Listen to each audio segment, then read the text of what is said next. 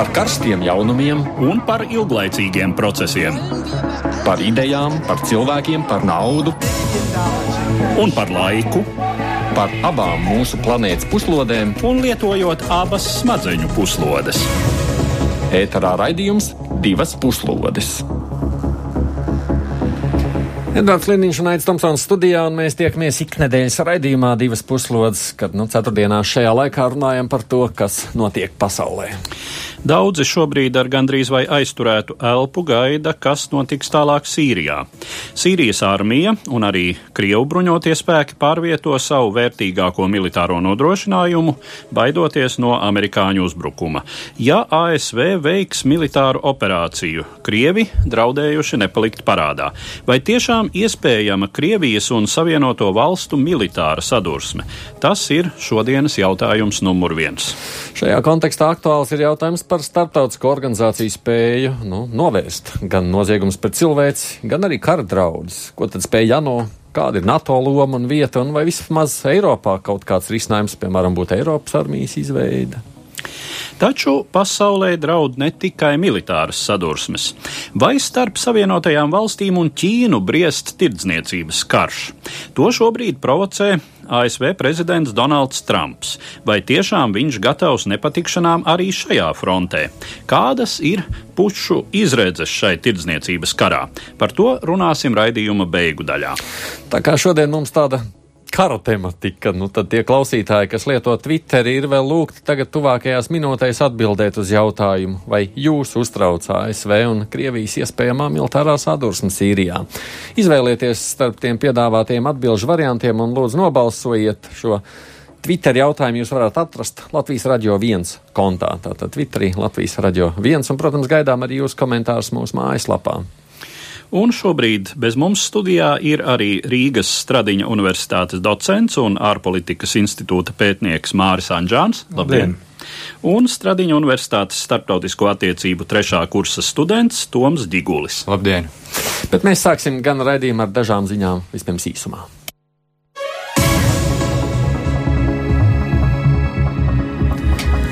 Tā bija mana kļūda, un es to nožēloju. Tā vakar sniedzot liecības ASV kongresā, sacīja Facebook dibinātājs Marks Zakerbergs. Runa ir par 87 miljonu lietotāju datu nodošanu konsultāciju uzņēmumam Cambridge Analytics, kas ASV vēlēšana gaitā sadarbojās ar Donalda Trumpa kampaņu. Zakerbergs atzina, ka Facebook nav pietiekami aizsargājis platformu, sakot, ka tas attiecas uz viltus ziņām, ārvalstu iejaukšanos vēlēšanās, arī naida runu. Viņš neslēpj, ka īpaši to ir censies izmantot Krievija. Notiek pastāvīga cīņa, lai aizstāvētos pret Krievijas centieniem manipulēt ar Facebook platformu un ietekmēt vēlēšanas ASV un citās valstīs. Sacīja miljardieris, sakot, tā ir bruņošanās sacensība. Viņi turpinās censties, lai kļūtu labāki, un mums ir jāinvestē, lai arī mēs kļūtu labāki. Krievija šajās dienās ir nokļuvusi daudz pārmetumu krustugunīs, un tas ir arī radījis nopietnas problēmas pašā Krievijā. Piektdienā ASV paziņoja par jaunu sankciju ieviešanu pret virkni Krievijas amatpersonu un biznesmeņiem. Tas nedēļas sākumā izraisīja milzīgas svārstības Krievijas akciju tirgos. Dažu uzņēmumu akcijas joprojām zaudē savu vērtību, bet Krievijas rubls ir piedzīvojis arī negaidītu kritumu. Kopš vakardienas, kā ziņo no Maskavas pie valūtas maiņas punktiem, esot vērojams rindas, un notiekošais Sīrijā, protams, Krievijas iedzīvotāju bāžas tikai pastiprina. Tikmēr valdība mierina un apgalvo, ka situācija ir šobrīd stabila un panikai nav pamata. Nu, ja runājam par Krieviju, ir jāpiemina vēl kāda ziņa. Saskaņā ar atkārtot veiktās izmeklēšanas secinājumiem, Polijas prezidenta lidmašīnu 2010. gadā pie Smoļenskas lidlauka iznīcināja sprādziens, kas noticis tai vēl atrodoties gaisā. Komisija, kas izmeklē katastrofu, kurā bojā gāja toreizējais Polijas prezidents Leks Kačinskis un visi 95 pārējie lidmašīnā esošie cilvēki, paziņoja, ka to nav izraisījusi pilotu kļūda. Saskaņā ar komisijas atzinumu vispirms eksplodējis lidmašīnas kreisais spārns, tad ir noticis sprādziens fizilāžā un pilnībā apstājušies dzinēji. Valdošā partija Likums un taisnīgums jau sen apšaubījusi iepriekšējo oficiālo izmeklēšanas atzinumu, kas notikušajā vainoja pilotus. Diemžēl ļoti traģiska avio katastrofa notika arī vakar. Alžīrijā netālu no galvaspilsētas nogāzās militārā transporta lidmašīna un katastrofā gāja bojā 257 cilvēki. Kā vēstīja Alžīrijas aizsardzības ministrija, tad bojā gājušo vidū ir desmit lidmašīnas apkalpes locekļi un 247 pasažieri, no kuriem vairums bija armijas cilvēki. Lidmašīna Il-76 nogāzās klajā laukā pie militārās bāzes īsi pēc pacelšanās. Traģēdijas iemesls šobrīd nav skaidrs un uzsākt izmeklēšana, tā teikts aizsardzības ministrijas paziņojumā. Un vēl simbolisks vēlēšanas. Vakar notika vienā no bijušajām PSRS republikām Azerbaidžānā. Tur prezidenta vēlēšanās ar gandrīz 83% balsu uzvarējis ir līdzinājais valsts galva Ilhams Alijevs. Lielākās opozīcijas partijas vēlēšanas boikotēja, paziņojot, ka tās nebūs godīgas un varas iestādes sagrozīs vēlēšanu rezultātus. Opozīcija arī nosodīja Alijeva lēmumu sarīkot vēlēšanas pusgadu pirms paredzētā laika, uzskatot, ka prezidents šādi ierobežojas ir opozīcijas iespējas izvērst priekšvēlēšanu kampaņu un novērst iespējamo krāpšanos vēlēšanās. 56 gadus vecais Ilhams Alijevs kļuva par Azerbaidžānas prezidentu 2003. gadā, kad viņa tēvs Heidars Alijevs neilgi pirms savas nāves izvirzīja viņa kandidatūru prezidenta amatam. Bet nu, par sākumā minētajiem tematiem plašāk, un vispirms, protams, par aktuālāko, par spriedzi Sīrijā un kāpēc tāda izveidojusies. Tas viss sarežģījās sestdien pēc ziņojuma par vēl vienu iespējamu ķīmisko ieroču lietošanu.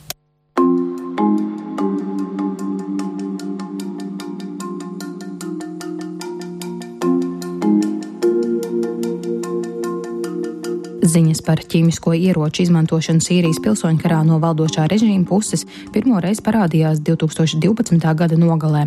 Jau tad NATO valsts apsvēra militārā trieciena iespēju Asada režīmam, taču tobrīd procesā iesaistījās Krievija, uzņemoties garantēt Sīrijas armijas ķīmiskā arsenāla likvidēšanu. Tomēr ziņojumi par ķīmiskiem uzbrukumiem turpinājuši pienākt, un šķiet, ka diktators savu apņemšanos nav pildījis. Pēc ķīmiskā uzbrukuma opozīcijas kontrolētajai Hanšeikunas pilsētai pagājušā gada aprīlī ASV pirmo reizi īstenoja atbildes akciju raķešu triecienu režīma aviācijas bāzē Šairatā. Šāda iespēja, kā deklarēs ASV prezidents Donalds Trumps, tiek apsvērta arī tagad.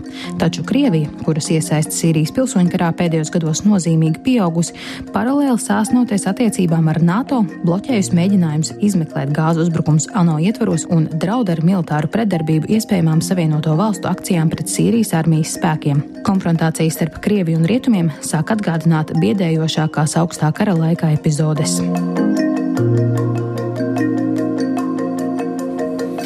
Es atgādinu, kopā ar mums ir arī Mārcis Anģēns un Toms Giguls. Kā jūs raksturot, kas īsti šobrīd notiek šajā sarežģītajā situācijā? Mār? Nē, nu, Sīrija ir tik tālu sarežģījusies, ka sliktāk vairs nevar būt. Atceramies, 2010. gada beigās arābu pavasaris sākās arābu pasaulē, pārnesās daudzām valstīm, tostarp uz Sīriju, sākās kā opozīcijas pretestība valdībai, un tad uh, viss, viss palika sliktāk līdz, līdz tagad uh, var teikt, ka tur ir visi.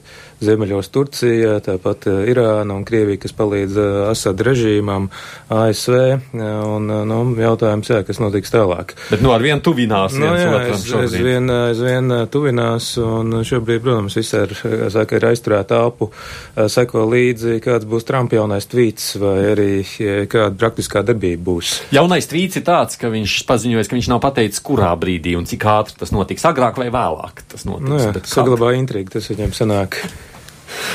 Nu, tā varētu sacīt arī, protams, jā, Tom, ko tu saki par šo?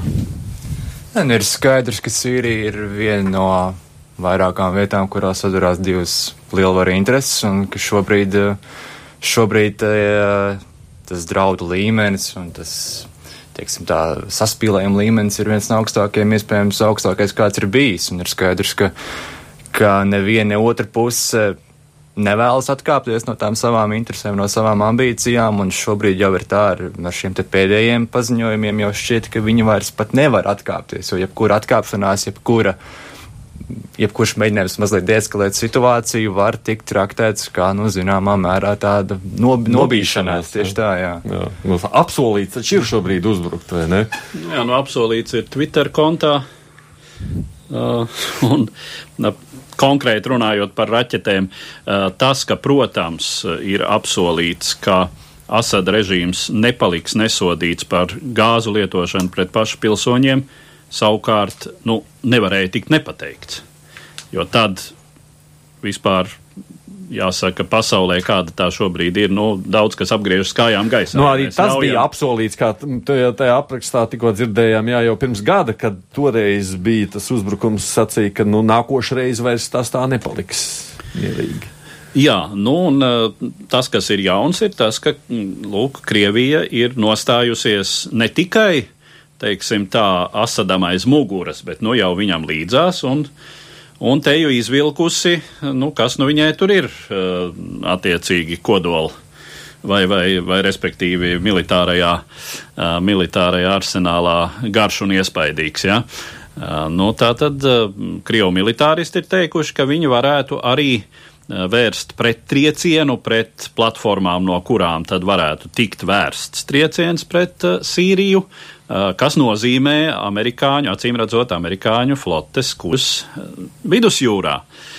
Nu, šāda iespējamība tas būtībā nozīmē, jā, eh, militāru konfliktu. Ja mēs, ja mēs dzīvotu, teiksim, 1918. nevis 2018. gadā, tad es teiktu, ka karš jau ir sācies. Ja šis jēdziens vārds karš, ja mēs tādā pieslēdzam Krievijas medijas, viņš tiek lietots ļoti aktīvi? Viņi saka, faktiski ir karš, tūlīt būs karš.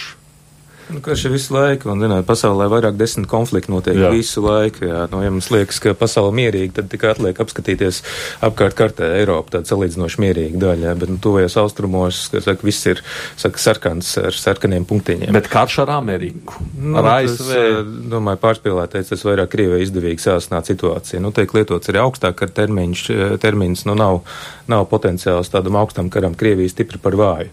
Jā, tas vairs nav augstais karš, kad pēc otrā mm. pasaules kara līdz 90. beigām bija divas globālas superlielvaras, kas cīnījās uh, visādos uh, pasaules reģionos. Un, nu, šobrīd Krievija ekonomiski ļoti vāja, uh, tikai aptuveni 12. lielākā ekonomika pasaulē, kas ir, kā saka, tā kā nedaudz lielāka tikai par Spānijas ekonomiku. Jā. Nu, tad paskatāmies, nu, protams, militārais potenciāls ir ievērojams Krievijai, bet nu, nevar jau visu tikai militāriem līdzekļiem darīt.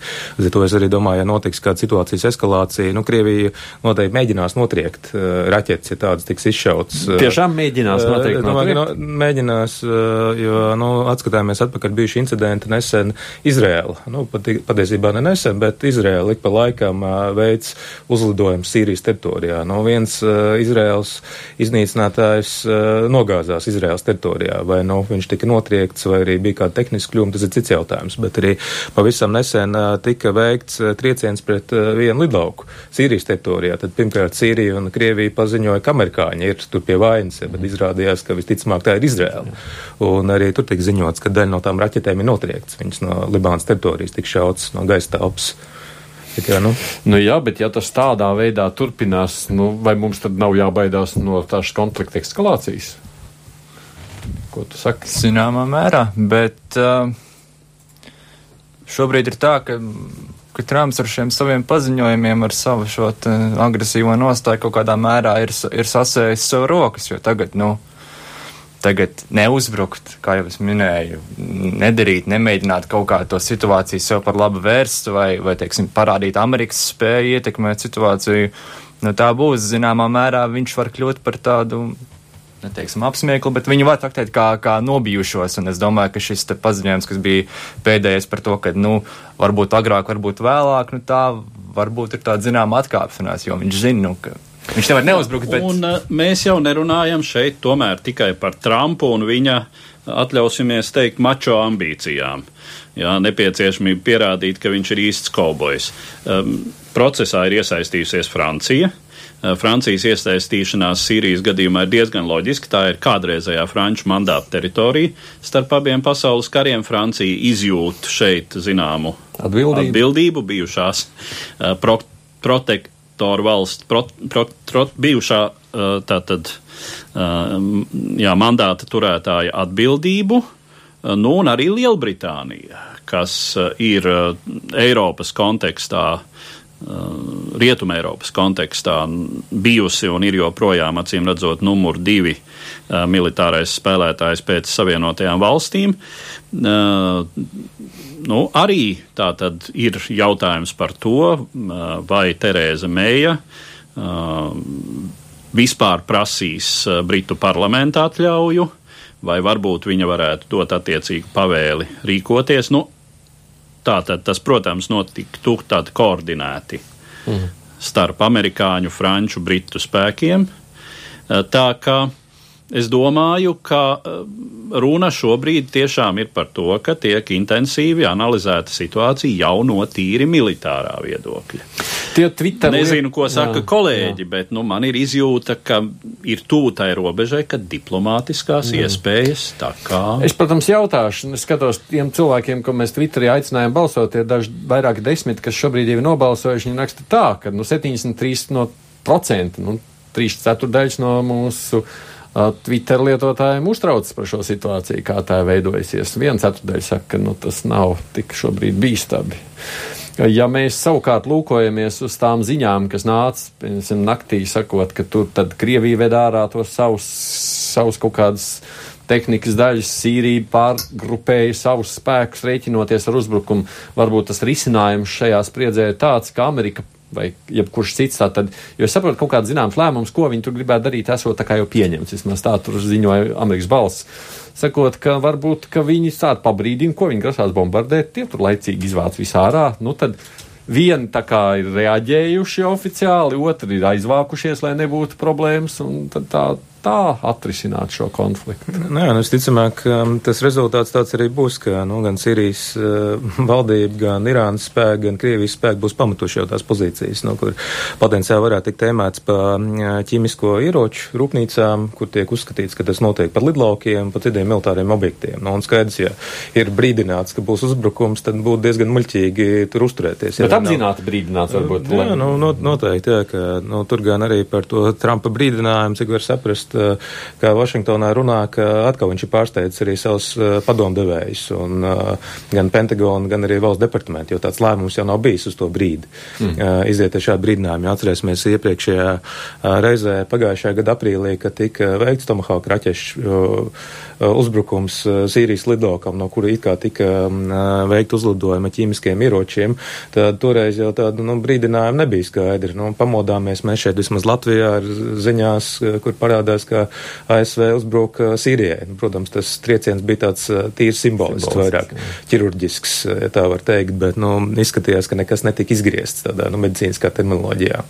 Nu, šāda veida arī varbūt tas ir tas veids, kā vispār. Nu jā, nu, skaidrs, ir, skaidrs ir tas, ka mērķu saraksts ir ierobežots, ka tā nebūs nekāda paklāja veida bombardēšana, kas varētu skart kaut kādu, nu, teiksim, nobumbot Damaskas centru. Ja. Tātad, protams, militārā infrastruktūra, pirmām kārtām jāacīm redzot lidlauki. Un, kā es teicu, nu, tātad skaits ir ierobežots, no turienes, protams, var saulaicīgi evakuēties. Mums klausuli pacelšu pēc pāris brīdiem, kamēr cil, minūtēm, kamēr klausītājs, mūsu viesis šobrīd gaida pie klausulas. Man viens klausītājs raksta šādi. Ir jābūt taču galīgam idiotam vai vājprātīgam, lai noticētu šim te mainstream medijam, ka Asats būtu lietojis ķīmiskos ieročus. Asats taču nav vājprātīgs. Un arī tu, Trump, nē. Ko tu man saki par šo? Cik, jo tas ir jautājums par ticību šobrīd. Kas kuram notic? Krievija apgalvo, ka tur nav nekas noticis.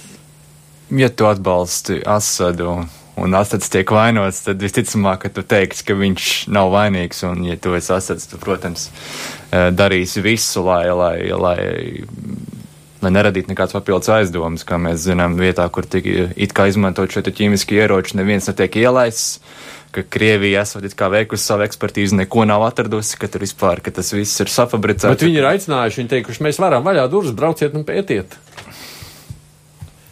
Jo šis, par, šis jautājums par ticību sakot, nu, beig, beigās Te jau arī apstājās, mēs redzējām, tas pie ANO šīs drošības padomas rezolūcijas. Nu jā, tieši tā. Nu, Asats nav vaiprātīgs. Tas ir tāds interesants apgalvojums, kuru varētu pāanalizēt. Taisnību sakot, droši vien prezidenta Asada psihopatoloģiskais profils, eh, ja tādu veidotu, varētu būt visai interesants. Bet viņš taču zina, ka tas beigsies ar šādām sakām, it īpaši kaut kā pēc pagājušā gada pavasara. Viņš ir cilvēks ļoti sarežģītā situācijā, cilvēks ar ļoti sarežģītu pagātnes bagāžu. Taisnību sakot, cik man zināms, tad, nu tā tad Vispirms, viņš ir jau otrais valdnieks savā dinastijā. Uh, viņam īsti nebija izvēles, uh, vai kļūt vai nekļūt par uh, Sīrijas valsts vadītāju. Nu, cik tālu dinastisks pienākums liek, neviens cits tobrīd nebija pieejams. Nu, tā tad uh, varas, šī varas pārmantojamības uh, nepieciešamība, kas tur Sīrijā tādā režīmā nozīmēja valsts stabilitāti, un pēc tam viss šis pilsoņu karš. Es domāju, ka par Asada spēju kontrolēt savu rīcību, spēju stratēģiski plānot, nu, tur varētu būt jautājumi. Šaubas, jā, pagaidi, Anžāna kungam vēl šo pašu. Jā, nu jā, nu pastāv viena iespēja versija, kas iepriekšējos uzbrukumos ir bijuši, ka paši Sīrijas nemiernieki ir veikuši šos te uzbrukumus, lai izprovocētu starptautisko reakciju. Nu, jāsaka, pilnībā tādu iespēju izslēgt nevar, bet, nu, būtu grūti apšaubīt arī rietumu valstu, jāsaka, ir secinājums par to, un katrs jau var izvēlēties, kā viņš tic, nu, kā skaidrot Asad rīcību. Ir viens, ka, protams, ir Krievija stāv aiz, aiz viņu, un otrs ir tas, ka līdz šim rietumu valsts nav izrādījušas nu, tādu lielu vēlmi uh, gāzt viņa režīmu. Nu, atcerēsimies jau Baraka Obamas laikā, arī tobrīd 13. gada augustā Baltijas valsts prezidenta bija, ka līdzīgi tagad pie Trumpa, tad pirmais pret žurnālistu jautājums bija, nu, kas ir Sīrija? Ko darīsiet Sīrijā? Jā, nu, rietumi ir ilgstoši rādījuši neizlēmību. Nu, un šajā gadījumā arī atskatāmies atpakaļ pagājušajā gada aprīlis, kad ASV veids triecienu par lidlauku. Nu, tas arī bija tāds simbolisks, jā, diezgan tāds neliels. Nu, iespējams, ka negaidīja, ka varētu būt stingrāka reakcija. Un atcerēsimies arī mūsu prezidentu preses konferencē Un arī pirms tam Trumps izteicās, ka viņš labprāt uh, vestu laukā Ārā. savus karavīrus no Sīrijas, tos 2000, kas ir. Nu, tā kā iespējams viņš arī ņēmis vērā tādu aprēķinu, ka nu, amerikāņi raugās, uh, kā saka, uz izējas durvīm no Sīrijas uh, un uh, no, ka reakcija varētu nebūt nekāda. Un uh, savukārt, uh, ko viņš vēlas pēc iespējas ātrāk attīrīt Sīriju uh, no cilvēkiem, kas, uh, nu, kā saka, nepiekrīt viņu viedoklim, gan, gan opozīcijas spēki, gan arī tādi radikālāki spēki, kas darbojas.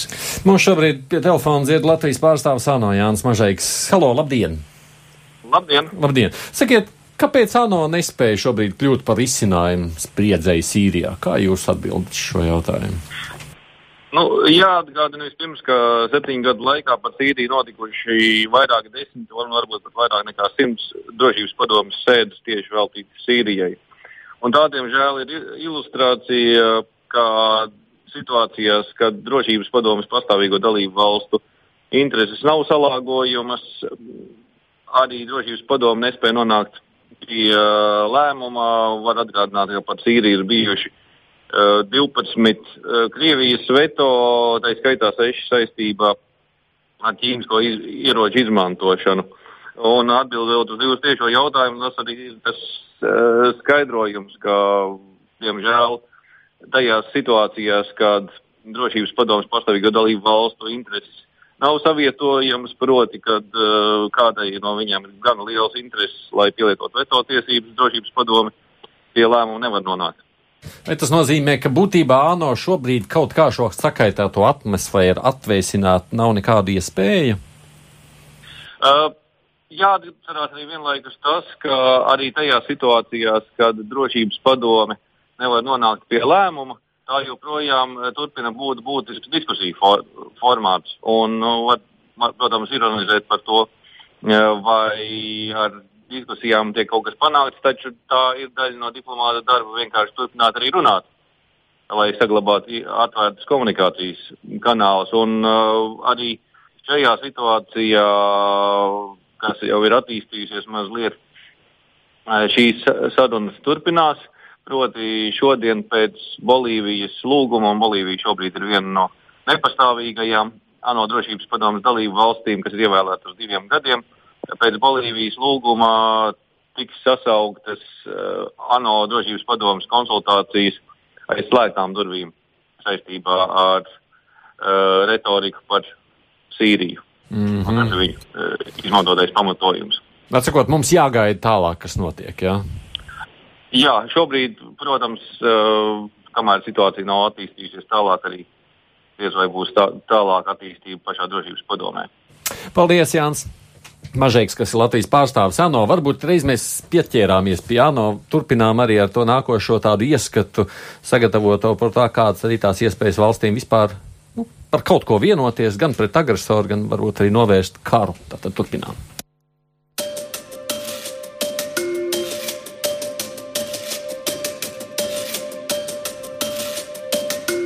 Pirms simts gadiem, kad noslēgumam tuvojās Pirmais pasaules karš, vispār atzīta bija doma par līdzīga postoša konflikta nepieļaujamību nākotnē. Uz šiem ideiskajiem pamatiem 1920. gadā tapa Tautu Savienība, kurā iesaistījās vairums tā brīža pasaules neatkarīgo valstu. Tomēr pierādījās, ka kolektīvās drošības principi tiek atbīdīti otrajā plānā, ja tie nonāk pretrunā ar konkrētas valsts ārpolitiskajām prioritātēm. Tautas Savienība izrādījās nespējīga efektīvi pretdarboties vairākām lokālām agresijām un galu galā novērst otrā pasaules kara katastrofu. Pēc šī kara Tautas Savienība netika atjaunota, bet tās vietā 1945. gadā izveidota jauna apvienoto nāciju organizācija. Kolektīvās drošības jautājumu risināšanai un mieru uzturēšanai ANO rīcībā ir efektīvāki un izvērstāki mehānismi. Tās drošības padomē ir tiesības pret agresoru pieņemt sankcijas, tā skaitā arī militāras. Tomēr tas iespējams vien tad, ja ir paprātam visām tām valstīm, kurām drošības padomē piešķirts ekskluzīvs status ar veto tiesībām. ANO dibināšanas brīdī tās bija piecas nozīmīgākās otrās pasaules kara uzvarētājas - ASV, Lielbritānija, Francija, Padomu Savienība un Ķīna. Šī kārtība saglabājusies joprojām vienīgi Padomu Savienības vietā drošības padomas pastāvīgā locekļa krēslu tagad ieņem Krievija, bet Ķīnas nacionālistu valdību, kas turpina pastāvēt Taivānā, nomainīs Ķīnas Tautas Republikas režīms. Pēckara Eiropā tapa arī organizācija, kuras ideju jau kara laikā bija lolojis britu līderis Vinstons Čērčils. Eiropas padomē bija jāiemieso brīvo Eiropu vienojošie principi - cilvēktiesības, demokrātija un tiesiskums. Organizācijas tapšanas brīdī, 1949. gadā, tajā piedalījās vien desmit Eiropas demokrātijas. Daudzas valsts pievienojas vēlāk, kad autoritārus vai totalitārus režīmus tajās bija nomainījuši demokrātijas. Nostiprinoties Eiropas Savienībai, daļa Eiropas padomas darbības virzienu pārgāja šīs daudz ciešāk integrētās valstu struktūras ziņā, taču Eiropas padome, kurā tagad piedalās visas Eiropas valsts izņemot Baltkrieviju, joprojām saglabā savu prioritāti cilvēktiesību un brīvību ievērošanas jomā. Starpvalstu un iekšēju militāru konfliktu novēršanas un risināšanas galvenā platforma mūsu pasaules daļā savukārt ir 1973. gada Helsinku konferences aizsāktajā Austrumu un Rietumu dialogu procesā tapusī Eiropas drošības un sadarbības organizācija. Ar savām 57 dalību valstīm, starp kurām ir gan visas NATO dalību valstis, gan arī visas agrākās PSRS republikas, tā ir plašākā tieši uz kolektīvo drošību orientētā starptautiskā organizācija. Visai nepārprotami ir tas, ka apvienoto nāciju mieru uzturēšanas mehānisms vien nebūtu spējis novērst jaunu lielu karu Eiropā, kur Padomu Savienība īstenoja agresīvu sovietizāciju ieņemtajās teritorijās un ar kompartiju palīdzību tiecās iegūt ietekmi arī citur. Reālais mieru uzturēšanas mehānisms Eiropā 20. gadsimta otrajā pusē balstījās rietumvalstu īstenotajā atturēšanas politikā, par kuras iemiesojuma kļuva NATO militārais bloks.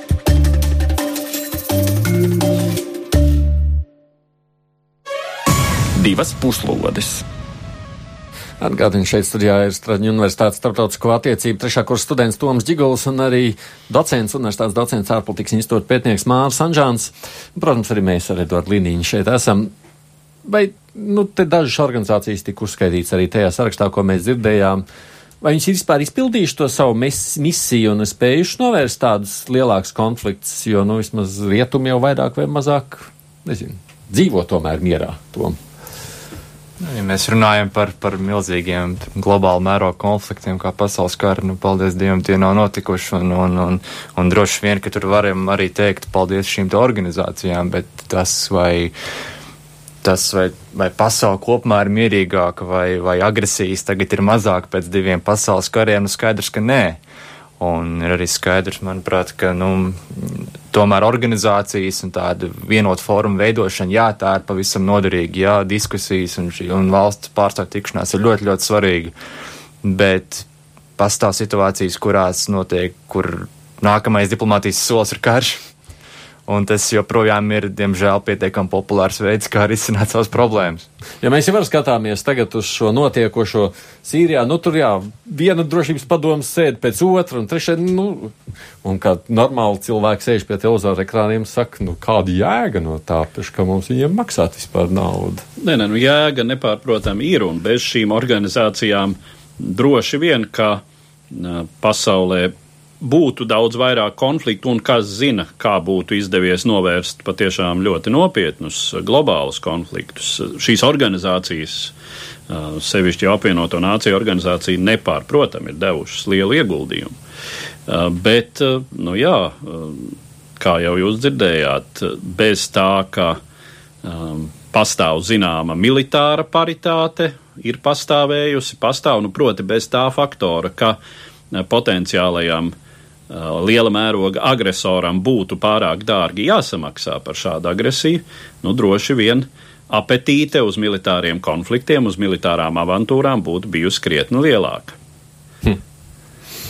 Anģelkungs. Jā, nu, starptautiskās organizācijas uh, ir tik daudz, ka uzskaitīt grūti no, nu jā. dažādās jomās. Ne? Ja mēs skatāmies uz um, politiskām un drošības organizācijām, tad sekmes ir ļoti atšķirīgas. Jā? Un parasti ir tā, jo organizācija mazāk, jo vieglāk jau vienoties savā starpā. Jā? Ja mēs raugamies arī uz Eiropu, tad Eiropas Savienībā nu, mums 28 valsts vien gan dodas projām, bet, nu, skaidrs, ka ir vieglāk vienoties. Savukārt, ja mēs runājam par apvienoto nāciju organizācijām, 193 valstis, nu, būs grūti vienoties? Un uh, ANO uh, drošības padomu, kur 15 uh, dalībvalsts, uh, 5 pastāvīgās ar veto tiesībām, nu, protams, tad, uh, kā saka, kurā brīdī uh, kāda lieta nepatiks, tā tiks uzlikts veto. Un, uh, Un, līdz ar to tad, situācija ir ļoti atšķirīga. Skaidrs, ka starptautiskās organizācijas spēlē pozitīvu lomu. Un tādas organizācijas kā ANO, viņas var vienoties parasti tad, kad nav skartas lielvalstu intereses. Tāpat laikā ir tādi gadījumi, ka nevar vienoties, jo vienkārši nav interešu.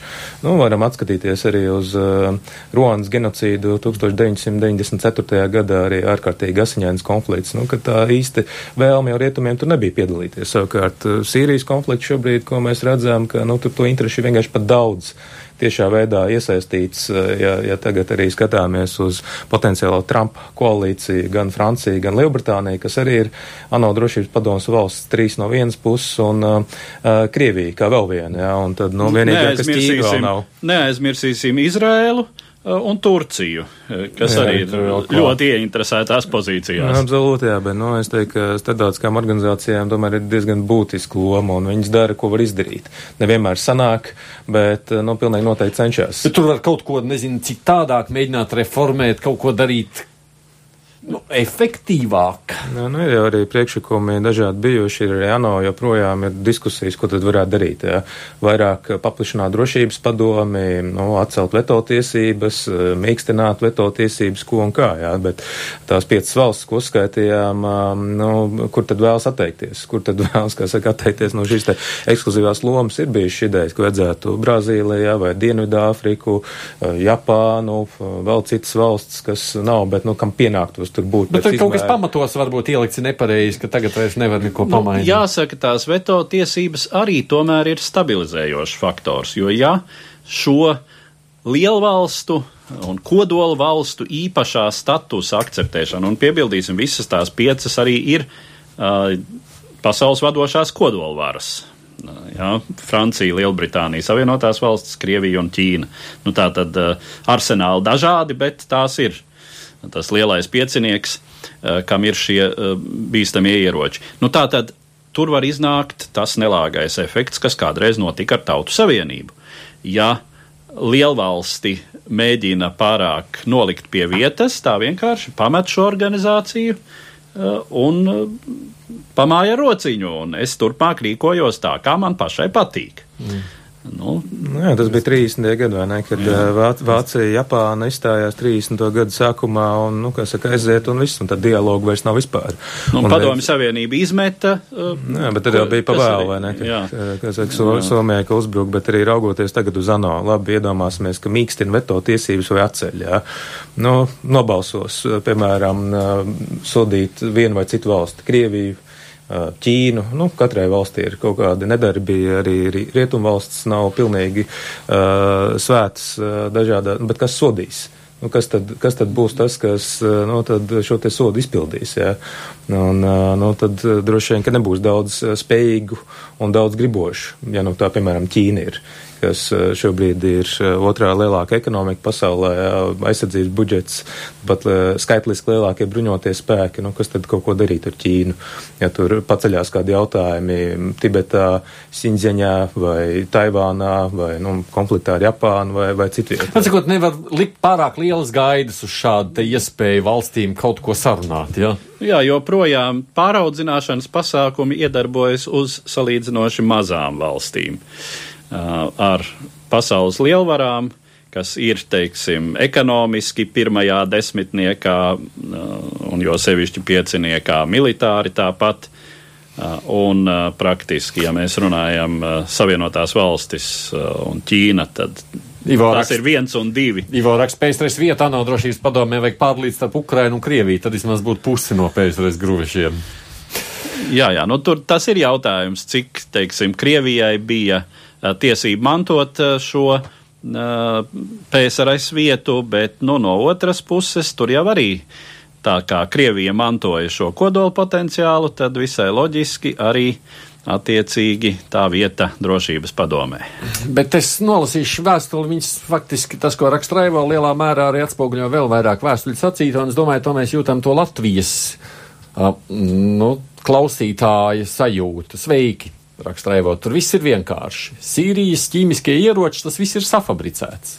ASV grib kontroli pār šo teritoriju, lai caur šo valstu transportētu Irākas naftu. Vēst apkārt Āfrikai nafta ir padārga. Caur Suecas kanālu arī dārgi, viņi meklē izdevīgu vietu.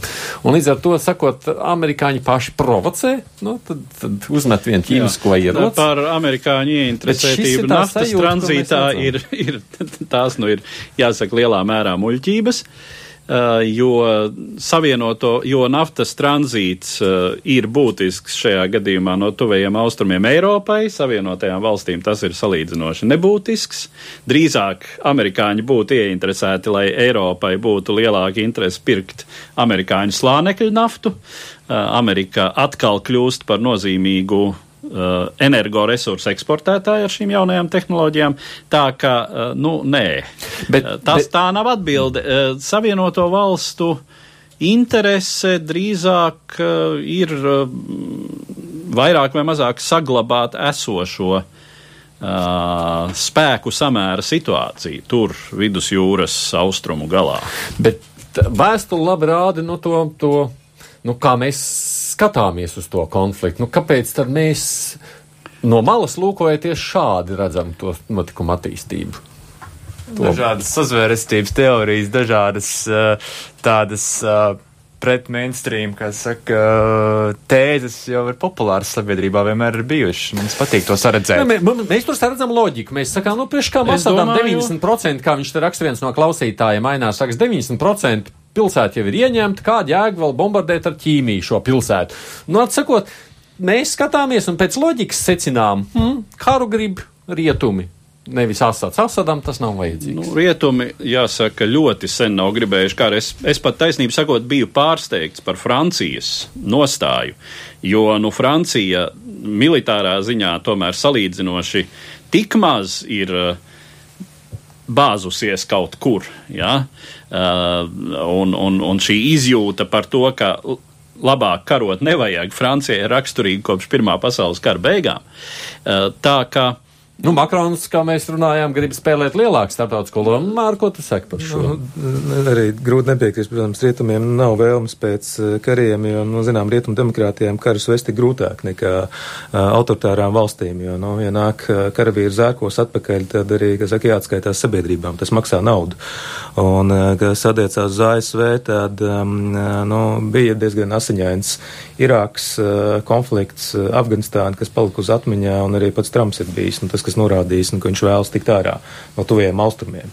Un, ja vēlme būtu bijusi, tad nu, Obamām bija daudz iespējas Sīrijā rīkoties, un to jau faktiski ikvienā brīdī būtu varējis ASV darīt.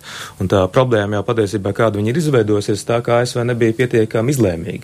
To, kad ASV nerīkojās 11. Um, gadā, 12. gadā atcerāmies Lībijā, kur bija Muamars Kadafī, arī autoritārs līderis, uh, kuru NATO misijas rezultātā, kur režīms tika gāsts un kur pūls uh, nolinčoja, tad toreiz NATO piedalījās, uh, veids gaisa uzlidojums, lai gāž šo režīmu, vienīgais, ka nebija plānu, ko talīt tālāk. Ja?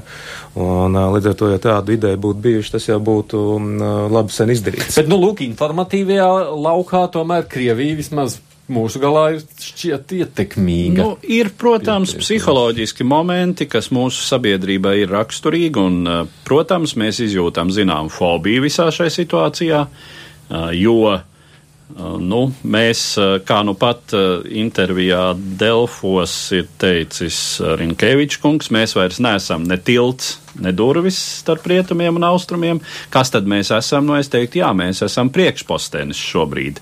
Diezgan tālu izvirzīts aiz priekšējām līnijām no tādas militārās stratēģijas viedokļa, un tā izjūta, ka ja nu sāksies pa nopietnam, mēs varam būt pirmie, kas dabūs to just nu, mm. no tīra militārā viedokļa ir pamatots. Tāpēc arī saprotams šīs bažas sabiedrībā, kas uh, veicina šādus viedokļus. Nu, Ivo raksta loģikas nebija ne Huseina ķīmiskajos ieročos, ne Groznijas bombardēšanā ar Kremļa pavēli, ne Inns izmantošanā Nordos teātrī Āzijā. Loģikas nav, ir tikai intereses. Mēlstējās pieminētajās institūcijas, protams, nav domāts, lai novērstu vēl kādu iespējamu karu, par kuru arī tā kā šodien runāsim. Tiesa, te tam ir domāts droši vien citas organizācijas. Pievērsīsimies draudošam tirdzniecības karam. Nu, daži tādi teikumi ieskatām par to, kas šajās dienās noticis.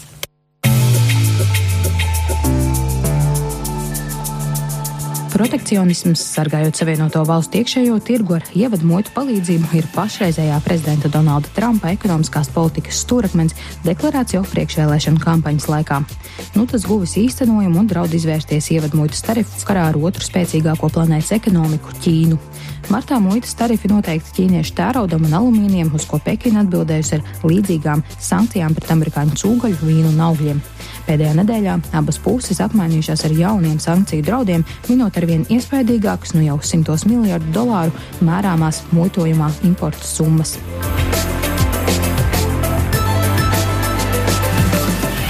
Ko jūs sakāt par šādiem kara draudiem tirzniecības jomā, cik tas ir?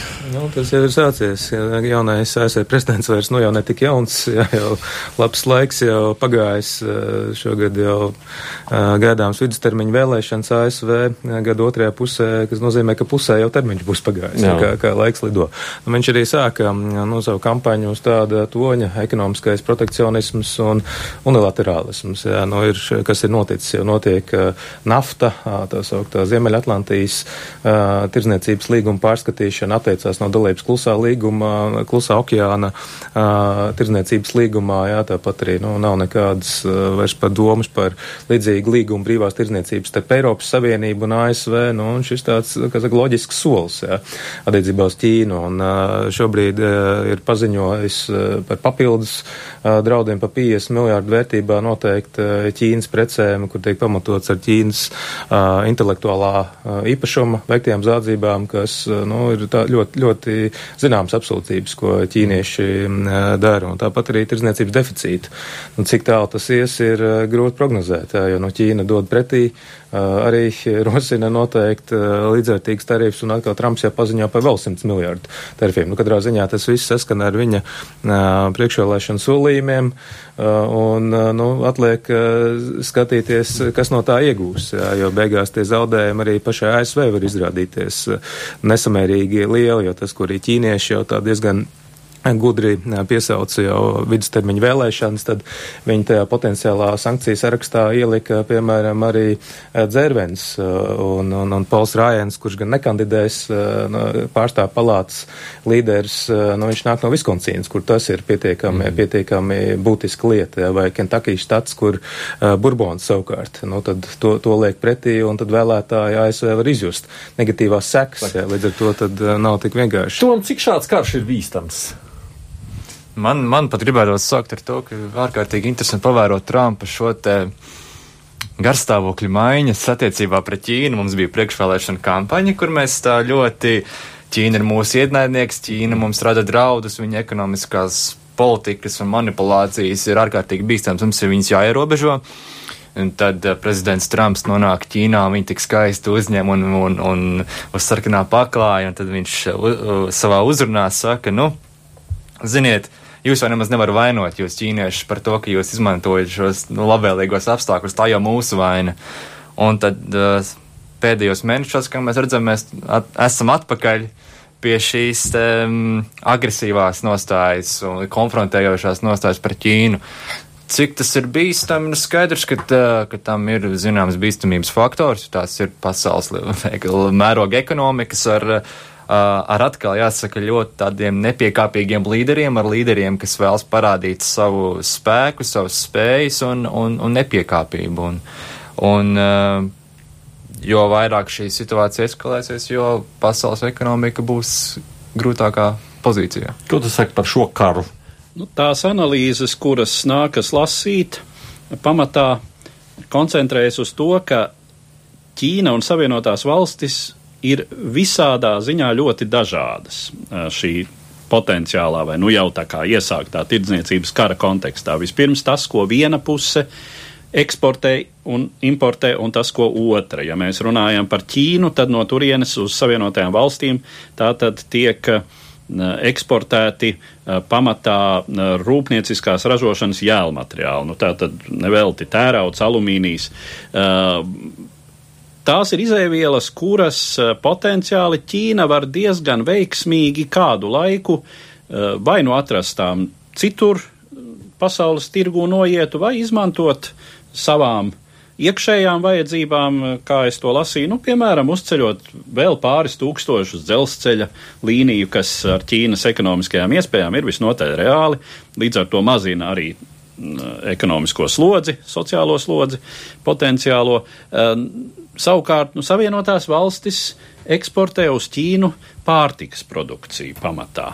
Nu, un te nu ir jāsaka tā, ka tai noietu būs daudz grūtāk, atrast. Protams, saki, ka Amerika varētu ciest pati vairāk. Amerika no varētu ciest ekonomiski diezgan smagi, pie tam, nu, tādi, jā, Trumpam būtiski eh, elektorāta segmenti, kas ir diezgan par viņu uzticīgi balsojuši šais un kaldinājuši šo viņu uzvaru mm -hmm. prezidenta vēlēšanās.